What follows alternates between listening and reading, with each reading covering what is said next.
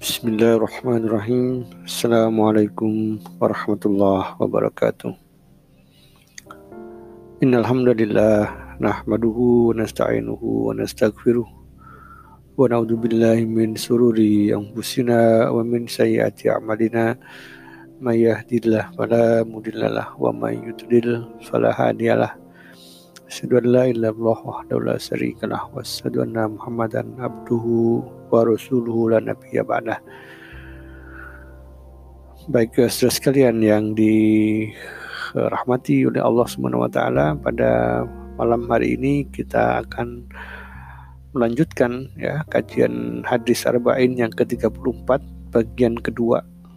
Ya, jadi hadis uh, tentang amar ma'ruf nahi mungkar uh, hanya satu hadis ya tetapi uh, ternyata membutuhkan penjelasan yang lebih uh, banyak ya uh, dalam upaya supaya kita memahami dengan lebih dalam ya apa sih makna hadisnya, apa sih pelajaran yang bisa kita ambil ya uh, sehingga kita bisa uh, berniat ya kita juga bisa melibatkan diri dalam uh, amar ma'ruf uh, nahi mungkar ya melibatkan diri dalam kegiatan dakwah. Ya hadisnya sudah sering kita dengar uh, man ra'a minkum mungkaron fal yughayyirhu biyadihi fa illam yastati' fa bi lisani fa illam yastati' fa bi wa dzalika ataful iman. Ya barang siapa yang melihat kemungkaran dengan uh, matanya ya melihat kemungkaran dengan nyata ya atau mengetahui dari dari dari apa media lain dari orang lain tapi kita yakin kebenarannya maka dia diperintahkan untuk merubah dengan tangannya. Ubahlah dengan tangan. Jika tidak mampu ubahlah dengan lisan dan jika tidak mampu maka ubahlah dengan hati ingkarilah dengan hati. Maka uh, itu adalah selemah-lemah iman. Kita sudah membahas uh, landasan hukum tentang wajibnya amar ma'ruf nahi mungkar ya. Kemudian kita sudah juga bahas uh, tahapan dalam uh, amar ma'ruf nahi mungkar ya. Dan juga uh, strategi dalam berdakwah ya. Bahwa kita tidak boleh melarang dengan cara yang buruk ya, melarang dengan cara yang memaki ya. Karena orang akan juga membalas makian itu dengan makian juga ya. Jadi tidak akan uh, baik hasilnya ketika kita melakukan perbuatan baik tapi dengan cara yang jarak cara yang buruk. Kemudian kita juga sudah bahas bahwa uh, dakwah atau amar ma'ruf nahi mungkar itu tidak bisa keluar kecuali dari iman.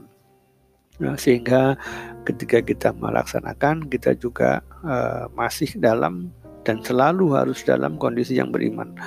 Ya, sehingga yang keluar adalah perkataan yang baik, perbuatan yang baik, akhlak yang baik, dan cara yang baik dalam uh, mencegah kemungkaran uh, atau dalam hal memerintahkan kepada kebaikan. Uh, baik saudara sekalian yang dirahmati oleh Allah, uh, saya akan coba bacakan beberapa hadis yang uh, menarik ya, uh, dan ini memberikan uh, pemahaman uh, tambahan buat kita tentang bagaimana kita mengingkari kemungkaran. Ya bagaimana kita melibatkan hati. Pengingkaran itu dari hati. Ya pengingkaran itu dari diri kita. Ya bagaimana kita menunjukkan ke pengingkaran terhadap sebuah kemaksiatan terhadap sebuah kemungkaran. Ya ada beberapa hadis yang disampaikan oleh uh, beberapa perawi hadis ya. Yang pertama ini uh, perkataan Ali radhiyallahu anhu Ya, beliau pernah berkata, ya jihad yang menjadi kunci pertama kemenangan kalian adalah jihad dengan tangan. Ya, lalu dengan lisan, ya, lalu dengan hati. Nah, jadi beliau mencoba mengutip hadis uh, Rasulullah tentang ma'ruf nahi mungkar tadi ya, tetapi mengkaitkannya dengan uh, jihad ya bahwa kunci kemenangan jihad itu adalah yang pertama dengan tangan, dengan lisan, lalu kemudian dengan hati. Ya, barang siapa yang tidak mengetahui kebaikan ya dan tidak mengingkari tentang kemungkaran ya maka ia akan kalah Ya, jadi dalam berjihad tadi, dalam me, me, mengubah kemungkaran dengan tangan, dengan lisan, dengan hati, ya Sayyidina Ali mengatakan e, tidak cukup hanya dengan perbuatan itu, tapi harus dengan pengetahuan mana yang baik dan juga pengetahuan mana yang mungkar sehingga dia bisa mengingkari. Ya, tadi pada pembahasan yang sebelumnya sudah disampaikan bahwa dalam amar ma'ruf nahi mungkar itu juga dibutuhkan ilmu. Ya, mana yang dilarang, mana yang perbuatan yang merupakan kemungkaran yang harus dilarang, ya, dan e, itu kemungkaran itu haram atau makruh saja gitu. Nah, jangan sampai kita e, tidak tahu dan kemudian kita terlalu keras melarang, ya, terhadap perbuatan yang makruh, tetapi kemudian kita agak berlemah lembut ya ketika yang dilakukan itu perbuatan yang haram. Nah, jadi butuh ada uh, apa namanya pengetahuan uh, tentang kebaikan dan juga butuh uh, pengingkaran ketika itu sebuah uh, kemungkaran. Kalau tidak maka ia akan kalah. Ya, jadi jihadnya akan kalah. Jadi uh, amar ma'ruf nahi mungkar diibaratkan dengan jihad dan ketika kalah maka dia tidak akan mendapatkan kemenangan, tidak akan mendapatkan hasil dari apa yang dia uh, kerjakan. Kemudian uh, suatu saat Ibnu Mas'ud radhiyallahu an uh, beliau berkata ke, beliau mendengar seorang laki-laki berkata ya celakalah orang yang tidak melakukan amar ma'ruf nahi mungkar.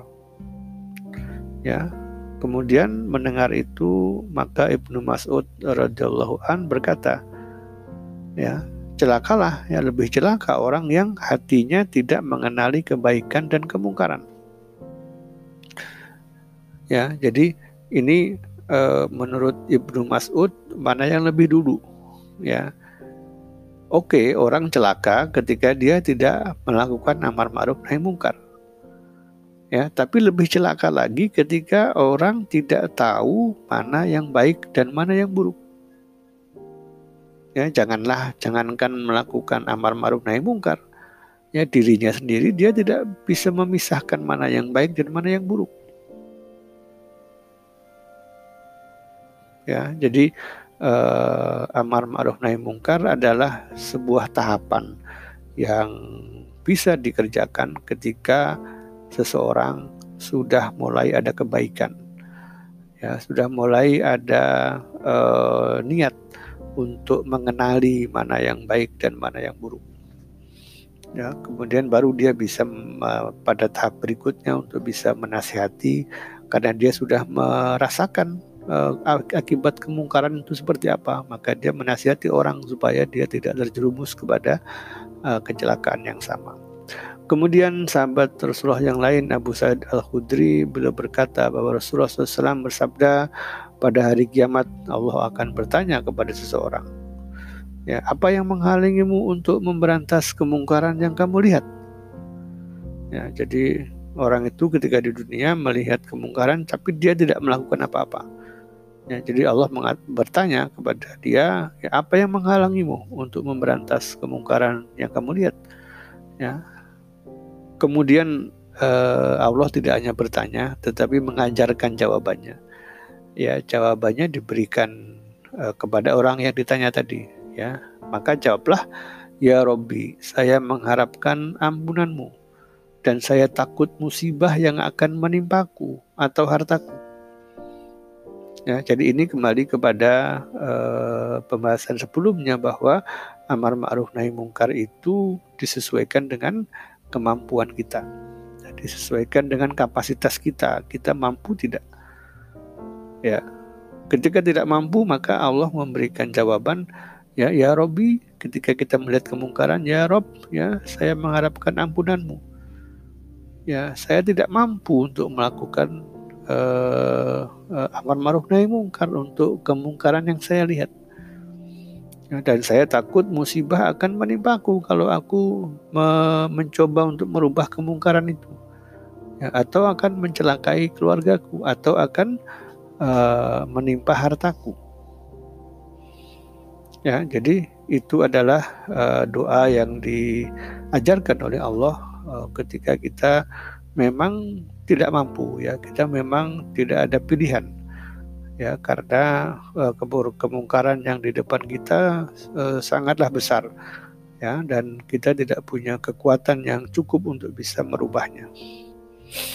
Kemudian uh, Al-Urs bin Umair juga berkata bahwa Rasulullah SAW uh, bersabda, jika suatu kemaksiatan dilakukan di muka bumi, maka orang yang melihat tapi membencinya seperti orang yang tidak mengetahuinya. Ya, jadi uh, ini bisa dikaitkan dengan bunyi hadisnya bahwa ketika orang mengetahui, ketika orang melihat kemungkaran, ya, uh, kemudian orang itu tidak punya kemampuan untuk merubah dengan tangan dan lisan, tapi dia hanya bisa mengingkari dengan hati. Ya, maka kata Rasulullah itu seperti orang yang tidak mengetahuinya. Ya, jadi uh, kemungkaran ada tapi dia seperti tidak mengetahuinya. Ya, sedangkan orang yang mendengar dan merestuinya, ia seperti orang yang melihatnya. Ya, ketika ada orang yang kemudian mendengar, mengetahui kemungkaran, kemudian dia merestuinya, ya, ia seperti orang yang melihatnya, melihat ya, kemungkaran menyetujuinya ya tidak ada pengingkaran dalam dirinya. Dari jadi inti dari hadis ini adalah membenci kemungkaran, mengingkari kemungkaran. Ya, karena itu seperti kita tidak melihat kemungkaran itu. Kemudian eh, sudah sekalian yang dimuliakan oleh Allah Subhanahu wa taala, kalau tadi kita bahas tentang bagaimana memberantas kemungkaran dengan hati, ya bagaimana sikap hati terhadap suatu kemungkaran ya yang tadi disampaikan uh, membenci ya sebuah kemungkaran. Kemudian uh, bahwa uh, kemungkaran itu harus kita ketahui dengan ilmu. Kebaikan itu juga harus kita ketahui dengan ilmu.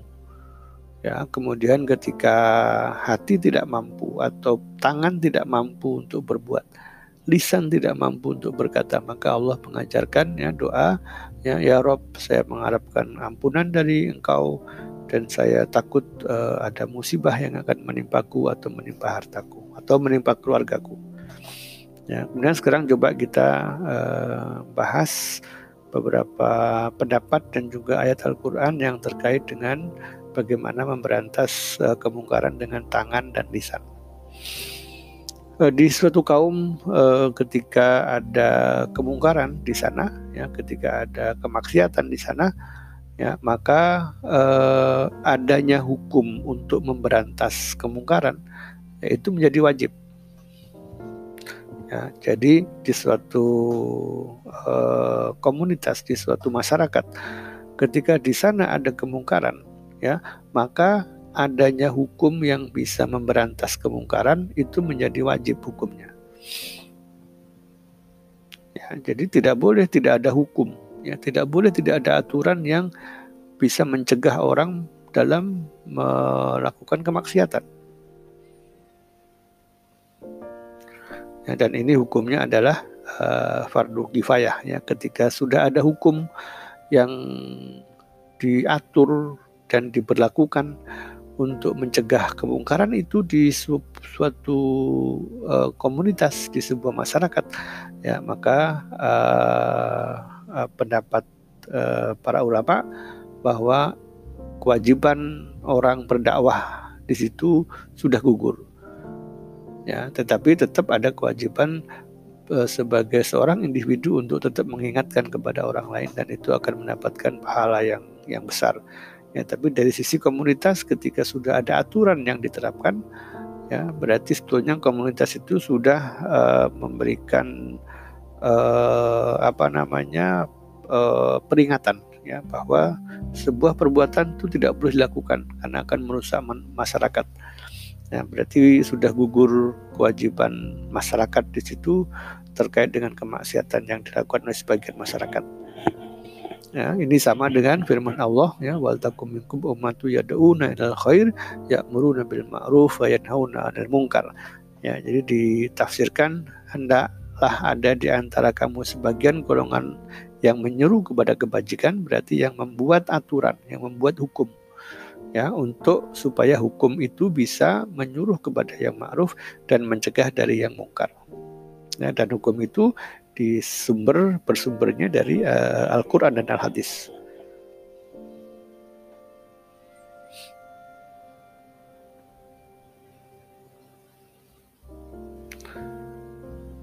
Baik ya saudara sekalian yang dimuliakan oleh Allah Subhanahu wa taala, uh, tentu dari apa hadis yang kita baca pada uh, episode sebelumnya uh, intinya sebetulnya adalah bagaimana kita saling menasihati ya kepada sesama muslim.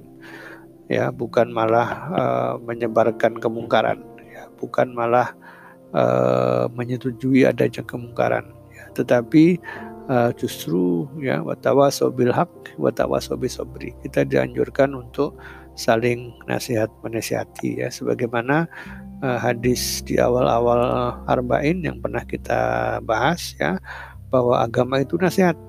Ya kami bertanya bagi siapa ya Rasul? Ya nasihat bagi Allah nasihat bagi kitab-kitabnya nasihat bagi para rasul dan nasihat bagi para pemimpin dan juga uh, nasihat bagi kaum muslimin pada umumnya.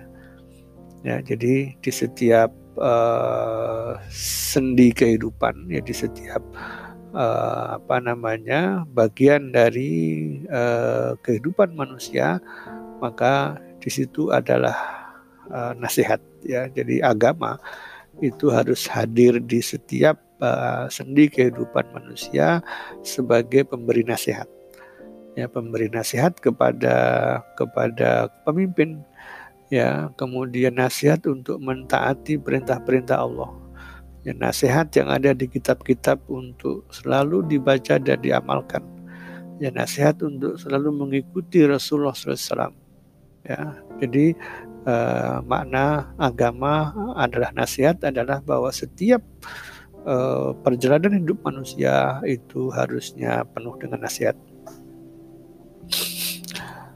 Uh, uh, jadi kembali bahwa ditegaskan bahwa Nah, nasihat adalah uh, kunci dari uh, hadis yang tadi kita bacakan ya. Amar ma'ruf nahi mungkar ya maka uh, bagian dari situ adalah memberikan nasihat kepada orang lain. Kemudian uh, sekalian yang dimuliakan oleh Allah uh, tentu uh, dalam melakukan amar ma'ruf nahi mungkar maka uh, adab ya atau strategi atau tata cara yang baik. Ya seperti yang sudah kita bahas pada episode sebelumnya bahwa uh, uh, perlu ada akhlakul karimah perlu ada uh, perilaku dan sikap yang baik ya. Karena uh, perilaku yang baik atau akhlakul karimah ya amal soleh itu adalah perwujudan dari iman ya dan ketika kita melakukan amar ma'ruf nahi mungkar yang itu merupakan perwujudan dari iman, maka harus juga tetap memperhatikan adab yang baik. Ya, salah satu adab yang uh, baik dalam amar ma'ruf nahi mungkar adalah tentu yang pertama bagi setiap muslim adalah melaksanakan apa yang ia perintahkan. Ya, ketika dia memerintahkan sesuatu, ya kalian itu harus uh, rajin sholat ya. Maka yang menasihati itu sudah harus sholat. Ya kalian harus uh, membaca Al-Quran. Ya maka dia juga harus rajin membaca Al-Quran. Ya dan ketika dia melarang kepada suatu maka dia juga sudah harus menjauhinya. Ya janganlah berbohong ya. Tapi dia sendiri sering berbohong ya tentu itu bukan adab yang baik ya jadi uh, uh, adab dalam amar ma'ruf nahi mungkar yang pertama kali adalah bahwa dia mengerjakan dulu apa yang akan dia perintahkan dan dia menjauhi dulu apa yang akan dia larang. Ya, sebagaimana dalam firman Allah surat As-Saff ayat 2 sampai 3 ya yang artinya ya orang-orang yang beriman mengapa kamu mengatakan apa yang kamu tidak lakukan? Ya amat besar kebencian di sisi Allah ya bahwa terhadap orang-orang yang mengatakan sesuatu yang tidak dikerjakan. Ya. Kemudian uh, yang terakhir uh, sekalian yang dimuliakan oleh Allah uh, ada sebuah hadis yang diriwayatkan oleh Bukhari dan Muslim uh, tentang uh, suatu keadaan di akhirat nantinya. Ya, jadi Usamah bin Zaid berkata bahwa Rasulullah SAW bersabda pada hari kiamat ada seorang laki-laki yang dicampakkan ke dalam neraka. Ya, kemudian seluruh isi perutnya terburai keluar ya kemudian dia terguling-guling ya seperti himar yang berputar-putar di sekitar penggilingan. Jadi zaman dulu sebelum ada mesin eh, himar atau keledai atau binatang itu eh, diberikan sebuah tiang apa tongkat kemudian dia ber, berputar berjalan berputar dan sehingga mesin penggilingan berputar dan bisa menghaluskan apa namanya padi atau gandum ya jadi orang tadi ususnya terburai keluar kemudian dia berguling-guling berputar-putar. Maka eh, melihat hal tersebut penghuni neraka yang lain bertanya kepada dia wahai fulan ya apa yang terjadi dengan dirimu? Ia menjawab e, memang saya telah melakukan amar ma'ruf nahi mungkar ya. Namun saya menyuruh kepada kebaikan yang saya sendiri tidak melakukannya Kemudian saya juga melarang kepada kemungkaran, tapi saya sendiri tidak meninggalkannya. Ya, jadi orang yang menyuruh tapi dia tidak melakukan, kemudian dia melarang tapi dia tidak menjauhi, ya tempatnya di neraka. Ya, naudzubillahi min dalik. Ya, hadis riwayat Bukhari dan Muslim. Baik ya, saudara sekalian yang dirahmati dan dimuliakan oleh Allah Subhanahu wa taala, ya cukup sampai di sini pembahasan terakhir kita tentang hadis arba'in yang ke-34 tentang amar ma'ruf nahi mungkar ya. Mudah-mudahan uh, menjadikan pemahaman yang lengkap ya terhadap hadis yang kita baca sebelumnya dan bisa memberikan motivasi buat kita untuk bisa terlibat ya dalam uh, amar ma'ruf nahi mungkar ya sekecil apa pun ya semampu kita ya. Dan uh, kita dapati nanti pahala yang berlimpah dari Allah Subhanahu wa taala. Uh, dan uh, mudah-mudahan kita diberi kekuatan ya, kita diberi kemampuan ya supaya kita bisa mendapatkan pahala yang besar ya. Dan tentu kita juga harus membekali diri kita dengan ilmu yang bermanfaat supaya semakin banyak ya pesan yang kita sampaikan semakin banyak uh, nasihat yang bisa kita sampaikan. Ya, ada hadis yang mengatakan bahwa kalau kita mengajak orang berbuat baik, ya, dan orang itu mengikuti kita, maka kita akan mendapatkan pahala seperti pahala orang yang melakukan tanpa mengurangi pahala orang tersebut. Ya, jadi uh, sungguh uh, Allah Maha Pemurah uh, dan mudah-mudahan kita diberi kekuatan, kesehatan untuk bisa mengamalkannya. Mohon maaf kalau ada kekurangan. Kita tutup dengan doa penutup majelis. Subhanaka Allahumma wa bihamdik.